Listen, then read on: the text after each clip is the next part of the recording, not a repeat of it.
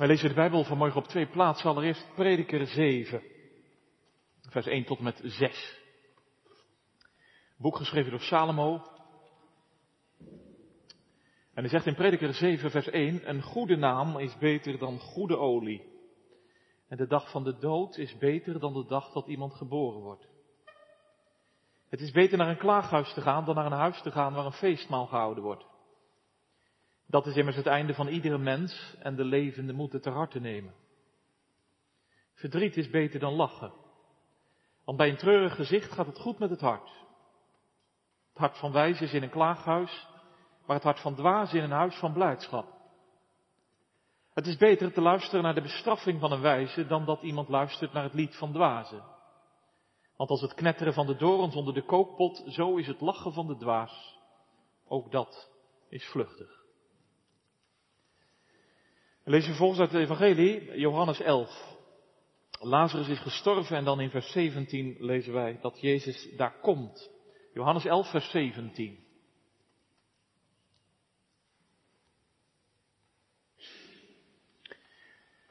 Toen Jezus dan gekomen was, bleek dat hij, Lazarus, al vier dagen in het graf lag. Betanië nu lag dicht bij Jeruzalem, ongeveer 15 stadien daar vandaan. En vele van de Joden waren gekomen naar Martha en Maria om hen te troosten over hun broer. Zodra Martha dan hoorde dat Jezus kwam, ging ze hem tegemoet, maar Maria bleef in huis zitten. Martha nu zei tegen Jezus, Heere, als u hier geweest was, zou mijn broer niet gestorven zijn. Maar ook nu weet ik dat God u alles wat u van God vraagt geven zal. Jezus zei tegen haar, uw broer zal weer opstaan. Martha zei tegen hem, ik weet dat hij zal opstaan bij de opstanding op de laatste dag. Jezus zei tegen haar, ik ben de opstanding en het leven. Wie in mij gelooft zal leven, ook al was hij gestorven. En in ieder die leeft en in mij gelooft, zal niet sterven in eeuwigheid. Gelooft u dat? Ze zei tegen hem, ja heren, ik geloof dat u de Christus bent, de Zoon van God die in de wereld komen zou. En na dit gezegd te hebben, ging ze weg en riep Maria haar zuster onopgemerkt en zei, de meester is er en hij roept u. Zodra die dat hoorde, stond ze snel op en ging naar hem toe. Jezus nu was nog niet in het dorp gekomen, maar was op de plaats waar Martha hem tegemoet gekomen was. Toen dan de Joden die met haar in het huis waren en haar troosten zagen dat Maria snel opstond en naar buiten ging, volgden ze haar en zeiden, ze gaat naar het graf om daar te huilen. Zodra dan Maria kwam waar Jezus was en hem zag, viel ze aan zijn voeten en zei tegen hem, Heere, als u hier geweest was, zou mijn broer niet gestorven zijn. Toen Jezus haar dan zag huilen en ook de Joden die met haar meekwamen zag huilen, werd hij heftig in de geest bewogen en raakte innerlijk in beroering. En hij zei, waar hebt u hem gelegd? Ze zeiden tegen hem, Heere, kom het zien. Jezus weende. De Joden dan zeiden, zie hoe lief hij hem had. En sommigen van hen zeiden, kon hij die de ogen van de blinde geopend heeft ook niet maken dat deze niet gestorven was? Jezus dan heftig opnieuw bewogen in zichzelf kwam bij het graf. Het was een grot en er was een steen opgelegd. Jezus zei, neem de steen weg. Martha, de zuster van de gestorvene, zei tegen hem, Heere, hij ruikt al, want hij ligt daar hier al voor de vierde dag. Jezus zei tegen haar, heb ik u niet gezegd dat als u gelooft de heerlijkheid van God zult zien? Ze namen dan de steen weg waar de gestorvene lag. En Jezus hief de ogen omhoog en zei, Vader, ik dank u dat u mij verhoord hebt. En ik wist dat u mij altijd verhoort, maar ter wille van de menigte die om me heen staat, heb ik dit gezegd, opdat ze geloven dat u mij gezonden hebt. En toen hij dit gezegd had, riep hij met een luide stem, Lazarus, kom naar buiten. En de gestorvene kwam naar buiten, gebonden aan handen en voeten met grafdoeken. En zijn gezicht was omwonden met een zweedoek. Jezus zei tegen hen, maak hem los en laat hem weggaan. Velen dan van de Joden die naar Maria gekomen waren en gezien hadden wat Jezus gedaan had, geloofden in hem. Maar sommigen van hen gingen naar de fariseeën en zeiden tegen hen wat Jezus gedaan had. Dit is het woord van God. De spits van de preek ligt in Prediker, Prediker 7, vers 2. Het is beter naar een klaaghuis te gaan dan naar een huis te gaan waar een feestmaal gehouden wordt. Dit is het einde van ieder mens en de levende moet het ter harte nemen. Schrijven boven de preek beter met een uitroepteken en een vraagteken. Beter. Nou, dat zou ik tegen de kinderen willen zeggen hier en uh, ook uh, thuis. Want als ik aan jou vraag, waar ga jij liever naartoe? Waar ga je nou liever naartoe? Ga je liever naar uh, een huis waar heel veel mensen vrolijk zijn? Of ga je liever naar een huis waar heel veel mensen heel verdrietig zijn? Ja. Ik denk dat bijna alle kinderen zeggen, nou ik ga liever naar een huis waar heel veel mensen vrolijk zijn. Nou, dat doe ik ook. Ik ga veel liever naar een huis waar heel veel mensen vrolijk zijn. Alleen, alleen, in de preek gaat het nu over een huis waar heel veel mensen verdrietig zijn en in dat huis komt Jezus. En ik hoop dat je aan het eind van de preek zal zeggen, ik ben wel blij dat ik in de kerk ben geweest. Want nu heb ik geleerd dat in zo'n huis waar heel veel mensen verdrietig zijn, dat als Jezus daar komt, er ook zoiets moois kan gebeuren. En daar gaan we het over hebben. Gemeente hier en thuis en in Rehoboth, zoveel soorten van verdriet. Ik noem ze niet. Maar één. Het afstand doen en scheiden. En niet het snijden doet zo'n pijn, maar het afgesneden zijn. Deze dichtregels zijn zo raak. Gevoel van afgesneden zijn, het kan je zo overvallen, juist in deze dienst. We lazen de namen, ook de naam van die ene, uw geliefde. Het doet zeer, het doet pijn. Elke dag komt het terug, het gaat niet zomaar over. Juist op deze zondag van de voleinding voelen wij onze wonden. Velen van ons liepen ze op in het achterliggende jaar of in de jaren daarvoor. Het kerkelijke jaar sluiten we vandaag af. Volgende week opent zich een nieuw kerkelijk jaar. Weer zullen we onderweg gaan naar het kerstfeest. Maar eerst staan we stil.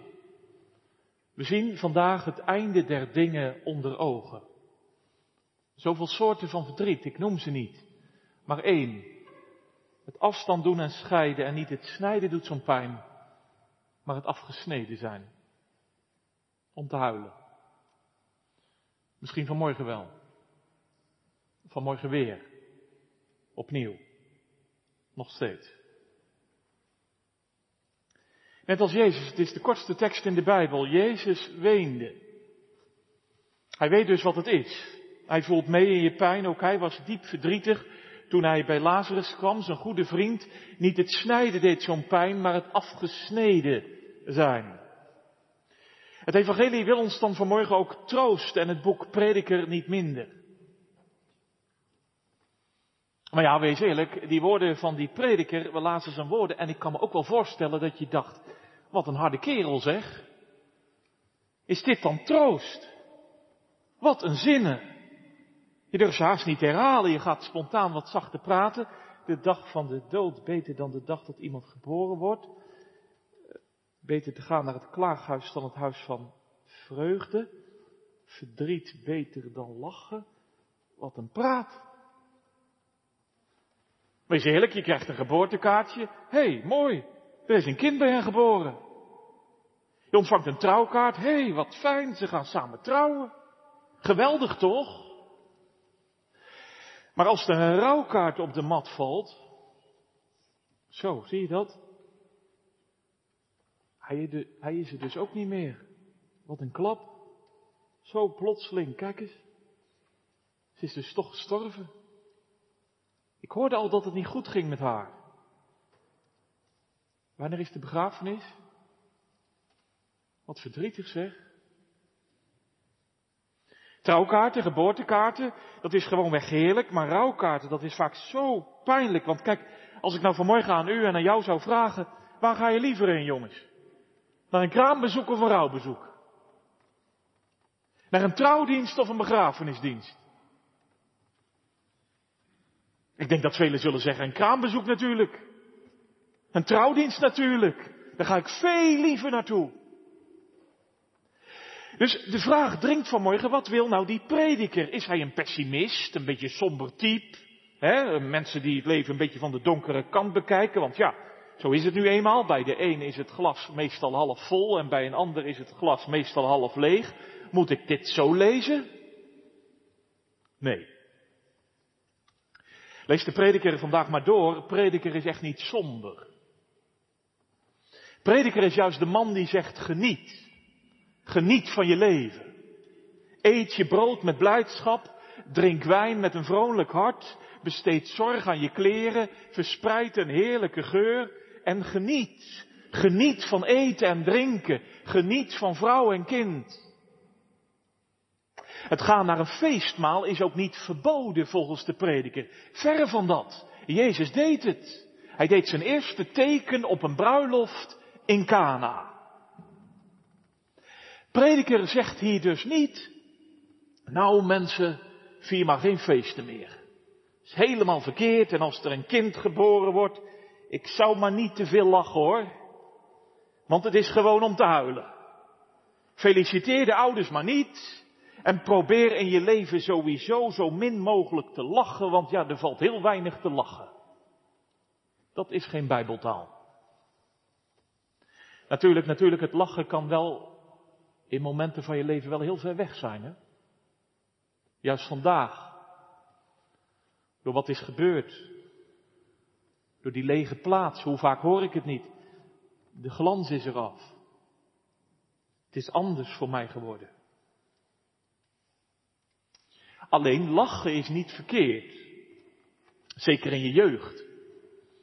Ik mag hopen dat jullie lachen kunnen, jongens. Dat is heel gezond. Dat is heel gezond. Alleen die prediker dan. Wat zegt hij nu eigenlijk? Nou, hij zegt niet, en dat moet je goed beseffen, hij zegt niet, liever ga ik naar het klaaghuis dan naar het huis van vreugde. Dat zegt hij niet.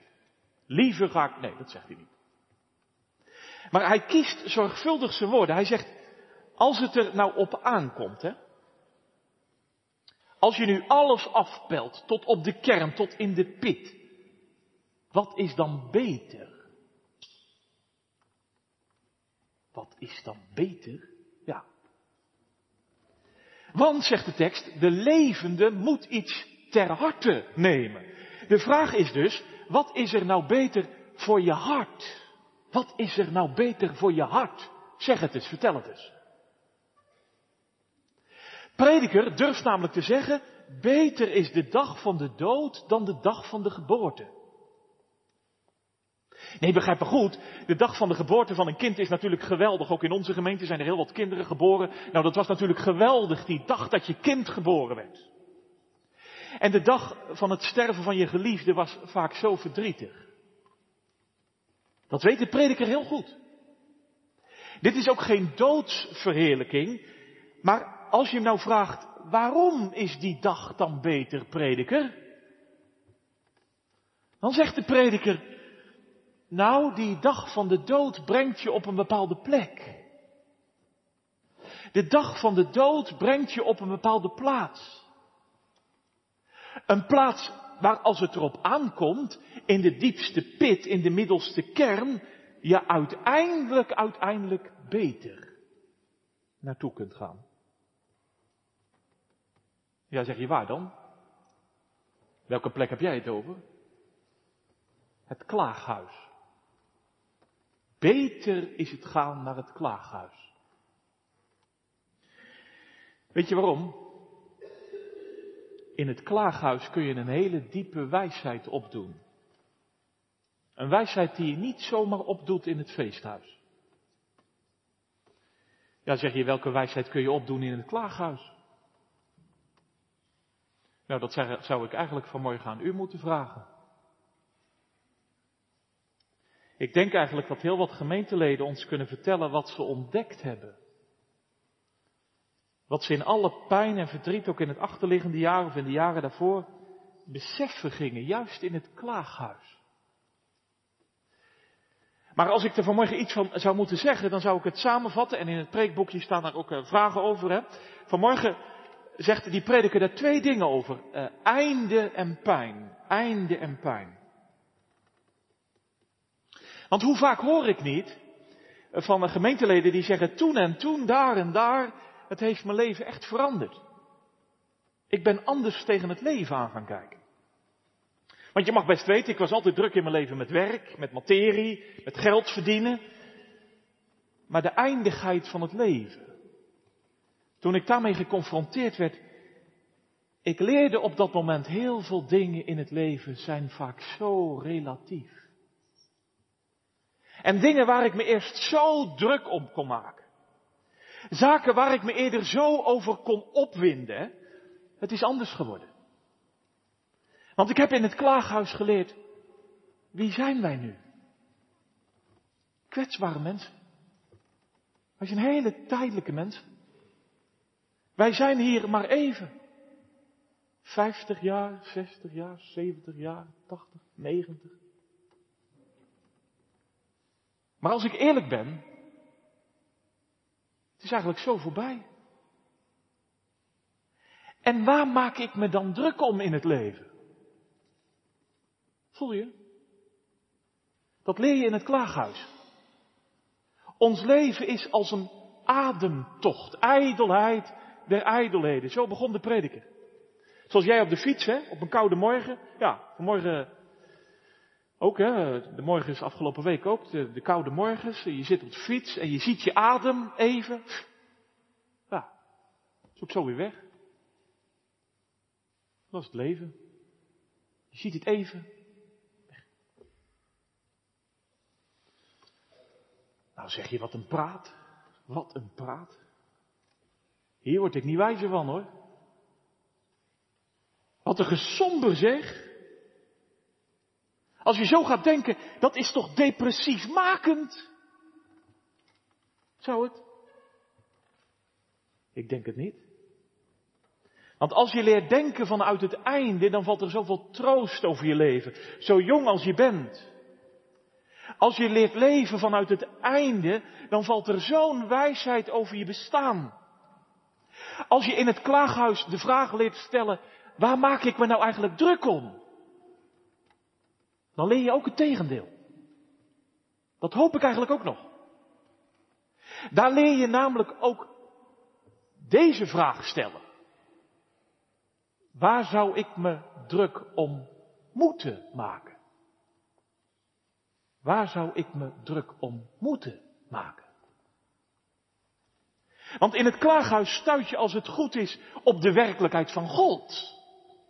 De werkelijkheid van God, ja. Ik bedoel, in het klaaghuis ervaar je vaak pijn, toch? Daar ervaar je echt pijn. Ik was ook in het afgelopen jaar een aantal keren in huizen van gemeenteleden en ik zag het, de pijn op het gezicht van een zoon om zijn vader. Van een kleinkind om haar oma. Al die pijn. Maar wie goed kijkt naar die gezichten vol pijn, die ziet in al die gezichten Gods pijn. Gods pijn? Heeft God dan pijn? Kun je dat zo wel zeggen? Want God is toch volmaakt. Hij is in de heerlijkheid van duizenden engelen. Hij is in het oord waar geen rouw en verdriet meer is. Gods pijn. Nou, ik bedoel dit. God laat het niet onberoerd. God laat het niet onberoerd dat de dood ons wereldhuis binnenkwam. Dat er überhaupt klaaghuizen zijn in deze wereld, daar is God niet onbewogen over. Want zo is het niet bedoeld. God schiep deze wereld en zie het was goed. En zie het was goed en zie het was goed en zie het was zeer goed. Geen klaaghuizen te bekennen. Dat was Gods bedoeling. De mens die leeft in vreugde onder de wijnstok en de vijgenboom, in harmonie met God en mensen. Maar het is zo anders geworden. Wij vielen in een duizelingwekkende val. Het kwaad kwam deze wereld binnen. Het leven werd vol moeite en verdriet. We weten er allemaal van. Meer of minder. Alleen gemeente, onze God ziet dat niet zonder erbarmen aan. Onze God zegt niet, het is nou eenmaal zo. Je wordt geboren, je gaat een keer dood. Zo is leven, verzoen je er maar mee. Zo spreekt onze God niet. En onze God lacht het ook niet weg. Dat zou zijn als het knetteren van dorens onder een kookpot. Het knetteren van verbrande dorens onder een kookpot. Het brandt even? Het brandt heel even. Het geeft heel veel spetters. Maar het geeft weinig eh, warmte en de wonden blijven schrijnen.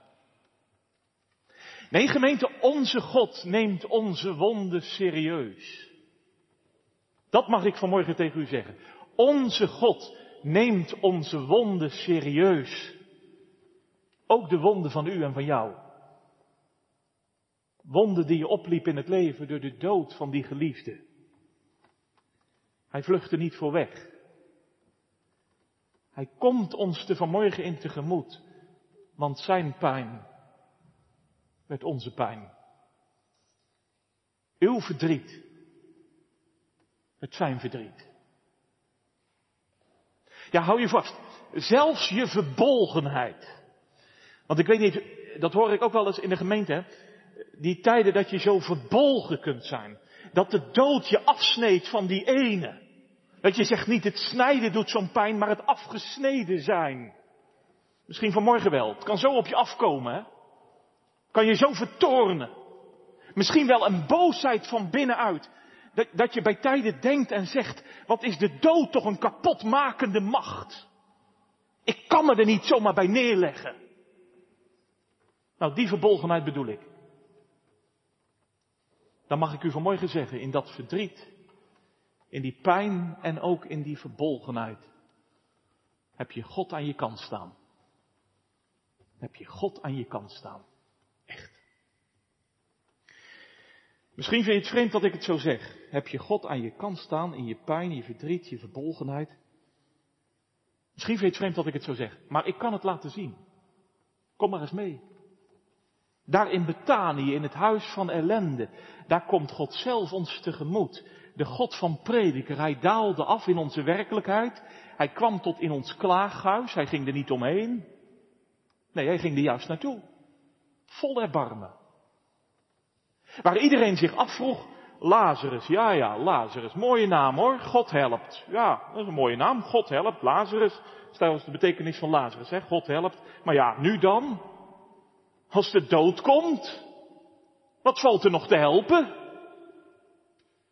Daar in Betanië komt Jezus in het huis van onze ellende. De begrafenis van Lazarus is al achter de rug. Zo ging dat in die dagen, spoedig na de dood werd je geliefde begraven. En daarna, kijk maar in Genesis 50, breken de rouwdagen aan. Dan zit de familie zeven dagen in huis. Zeven dagen. Familieleden komen aan, de buren komen aan, de vrienden komen op bezoek. Er wordt gesproken over het leven van de geliefde, hoe hij was, hoe het ging. Ook Jezus komt. Hij vlucht er niet voor weg. Hij gaat er niet omheen. Hij is namelijk een wijze. Hij weet wat beter is voor het hart. Daar staat hij. Midden in het klaaghuis van Betanië. Alleen kijk eens.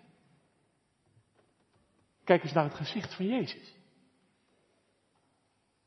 Dat gezicht van Hem, dat kan me zo troosten.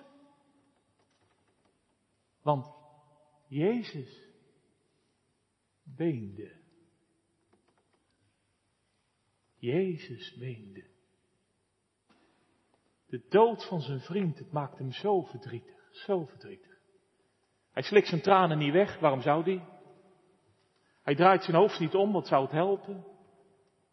Hij probeert zijn stem niet te bedwingen, dat gaat gewoon niet meer, hij vlucht er niet voor weg. Augustinus zegt, Jezus is de gewonde genezer, de gewonde genezer, zo is het.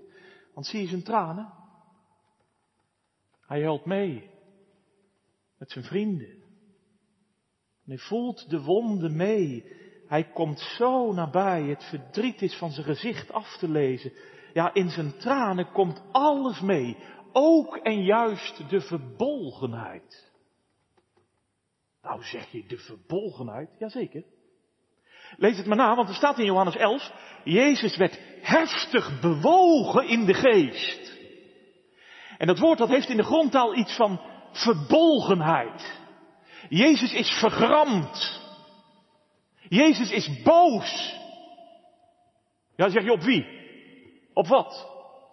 Op de dood. Op de macht van de dood.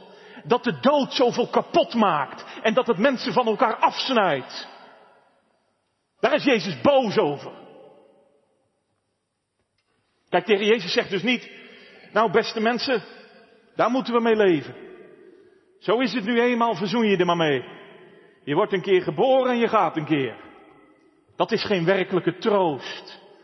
De Zoon van God weet als geen ander, mijn Vader had het anders bedoeld. Daarom komt Jezus. Midden in dat kwetsbare bestaan van jou en van mij. Midden in dat vluchtige leven van u en van mij. En hij gaat naar het klaaghuis als een werkelijke wijze. Hij bestraft de dood openlijk en zichtbaar. Want hoor eens, hoor eens. Indringend klinkt zijn stem over de begraafplaats van Betanië. Lazarus, kom naar buiten.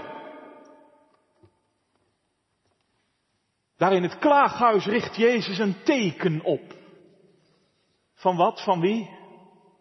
Van leven. Van opstanding. Van herschepping. Een teken van zichzelf. Een teken van zichzelf, ja. Want nog even, nog even, dan zal Jezus zelf sterven gaan. Dan zal Jezus zich laten verwonden. Dan zal Jezus alle schuld op zich nemen. Dan zal Jezus al het kwaad wat wij de wereld indroegen, wegdragen. Nog even, nog even, dan zal Jezus zelf in een graf worden gelegd. Maar op de derde dag, op de derde dag, Kolbrugge zegt, op de derde dag, dan neemt Christus nog één keer de dood in zijn armen. En hij drukt hem helemaal dood.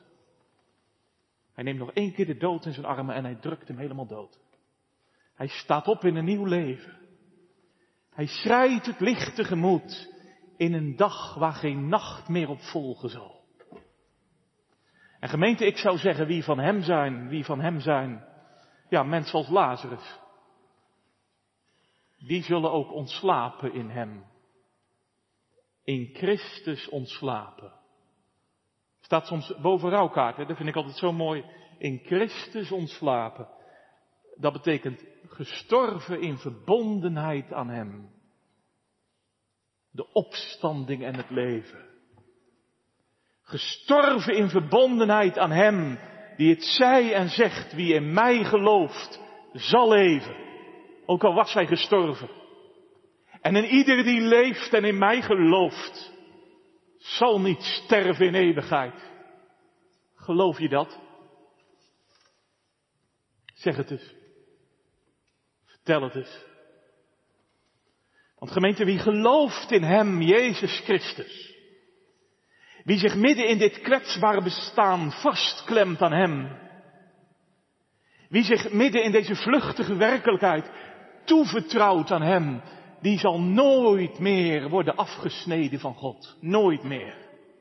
Nu niet en tot in eeuwigheid niet. Hoor je dat? Want nu nog één keer die tekst. Beter is het gaan naar het klaaghuis. Nee, niet liever, niet liever, maar beter. Want in het klaaghuis leerde ik hoe vergankelijk ik ben. Dit huis hier en nu is niet mijn eeuwig huis. Maar ik ben er naar onderweg. Tenminste, de wijze ziet dat. De wijze ontdekt het juist in het klaaghuis. Je bent wijs als je in het klaaghuis niet zeggen gaat, ja mensen het is zo, zo gaat het nu eenmaal. Leg je er maar mee neer. Nee, want juist in het klaaghuis wil God je troosten. Waar je met lege handen komt te staan. Waar je ontdekt, wie ben ik nu eigenlijk? In al mijn kwetsbaarheid. Ik doe soms wel dik, maar ik ben zo'n kwetsbaar mens. Ik ben niet meer dan een bedelaar. Arm van geest. maar rijk in God. Arm van geest, maar rijk in God. Want Hij is mijn hoop. Hij alleen. Wie heb ik nevens u in de hemel? Bezwijkt mijn lichaam en mijn geest. Dan is God mijn rots, mijn deel, mijn eeuwig goed. Want in het klaaghuis ziet de wijze Gods ontferming. In het klaaghuis ziet de wijze Gods bewogenheid. In het aangezicht van Jezus. Geliefde, denk daar nog eens aan terug. Als u het leven weer ingaat. Als u hier vanmorgen was om de naam van uw geliefde te horen. Als je de week tegemoet gaat. Op momenten dat de pijn weer kwelt. Op dagen dat je verdriet je zo overvallen kan. Denk dan nog eens terug aan die kortste Bijbeltekst. Jezus weende. Want zijn tranen doen kracht. Alles komt in die tranen mee. Want elke traan van Jezus is een teken van hoop. Is een teken van leven. Elke traan van Jezus is een teken dat God het er niet bij laat zitten. Dat God, het er, dat God er geen genoegen mee neemt. Hoe deze wereld in elkaar steekt. Dat God er geen vrede mee heeft. Dat doodsmachten zijn schepping kapot maken. Gelooft u dat? Want Jezus heeft een naam waarop je bouwen kunt. Waar je je aan toevertrouwen kunt. En wie op die naam vertrouwt, gemeente, wie op die naam Jezus vertrouwt in zijn leven. Die krijgt ook zelf een naam. Oh ja, zeg je welke naam? Lazarus. God helpt. Dwars door alle pijn heen. Te midden van alle verdriet. God helpt. Dat is een goede naam. Beter nog dan goede olie. Weet je waarom? Wie Christus vertrouwt in zijn leven. Die leeft niet meer naar het einde. Dat je zegt, ja, ik leef naar het einde. Die zegt ook niet, zo is het nu eenmaal. We gaan een keer, niemand ontkomt eraan. Er zit een eind aan het leven. Nee, wie Christus vertrouwt, die leeft juist vanuit het einde. Vanuit de dag van de opstanding die komen zal. De grote dag van Christus die wij verwachten. Dat is de dag waarop mijn tranen worden afgewist. Dat is de dag waarop alle klaaghuizen in deze wereld verdwijnen zullen. Voor eens en voor goed. Zult u ermee rekenen, gemeente? Ook en juist als je jong bent. Want misschien luister je vanmorgen naar de preek. En het voelt misschien wel een beetje ver weg. Dat je zegt geen gesombe. Ik ben nog jong. Ik heb mijn leven nog voor me. Nou, dat hoop ik ook voor jullie. Maar onthoud vanmorgen vooral dit. Prediker is geen somberaar.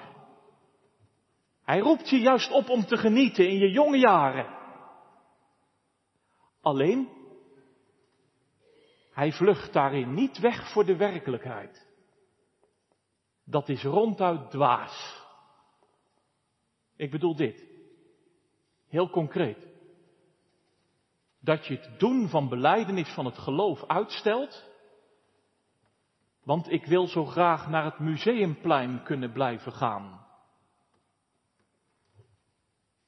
Is dat het echt waard?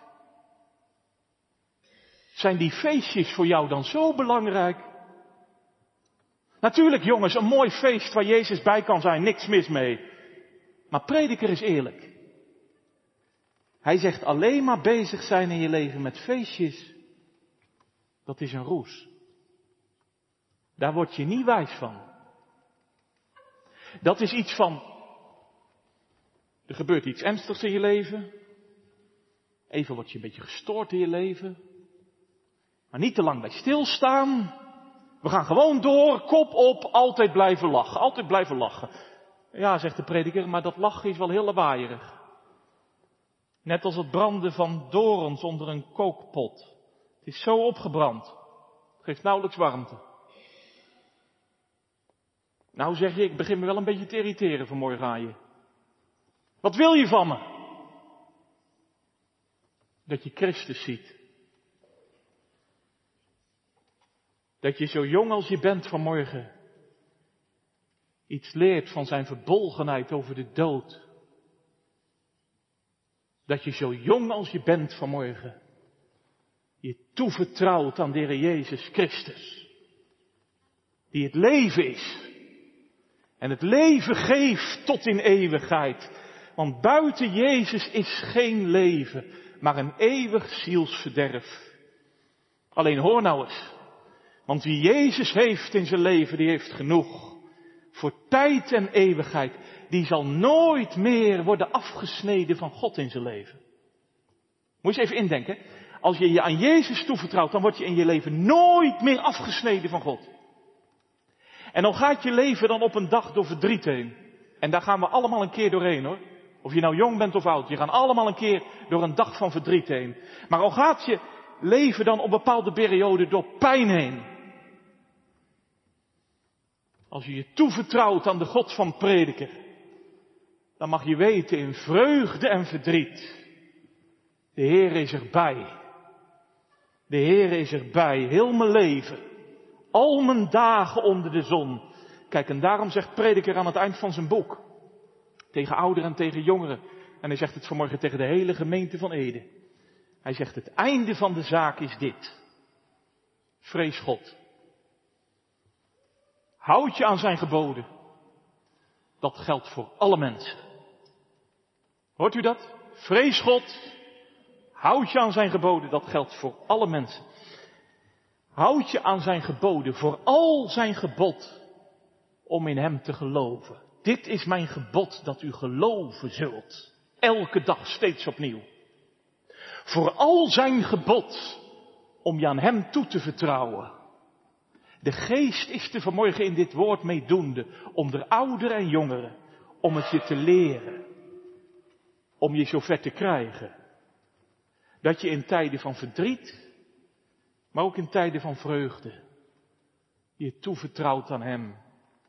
Want weet je, weet je jongens, als je al heel jong je leert, leert om je toe te vertrouwen aan de Jezus, dat is echt waar. Als je al heel jong leert om je toe te vertrouwen aan de Jezus, dan zal het ook gaan in het uur van je sterven. Ik heb het meer dan eens in Ede gezien. Dat mensen die hadden geleerd om zich toe te vertrouwen aan de Heer Jezus, het ook konden toen ze stierven gingen. Dan mag je ontslapen in Hem. Ja, en nu begin ik een beetje te stamelen. Want hoe dat allemaal zal zijn en hoe het allemaal zal worden, heel veel is ons onbekend. Maar dit weet ik vast. Wie in het wereldklaaghuis gelovig zag in het aangezicht van Jezus Christus. Wie vanmorgen gelovig heeft gezien naar het aangezicht van Jezus. Die is onderweg naar de dag dat alle klaaghuizen zullen verdwijnen. Dat alle wonden zijn genezen. Dat alle tranen worden afgewist. En als er op die dag nog tranen zouden zijn, dan zijn het alleen nog maar tranen van verwondering. Verwondering omdat ik op die dag Hem zal zien, die ik vanmorgen in het geloof zag staan in het klaaghuis, in mijn klaaghuis. Ja, gemeente, ik weet niet wat u zich daarbij voorstelt. Jongens, ik weet niet wat jullie je erbij voorstellen. Maar misschien herken je het wel.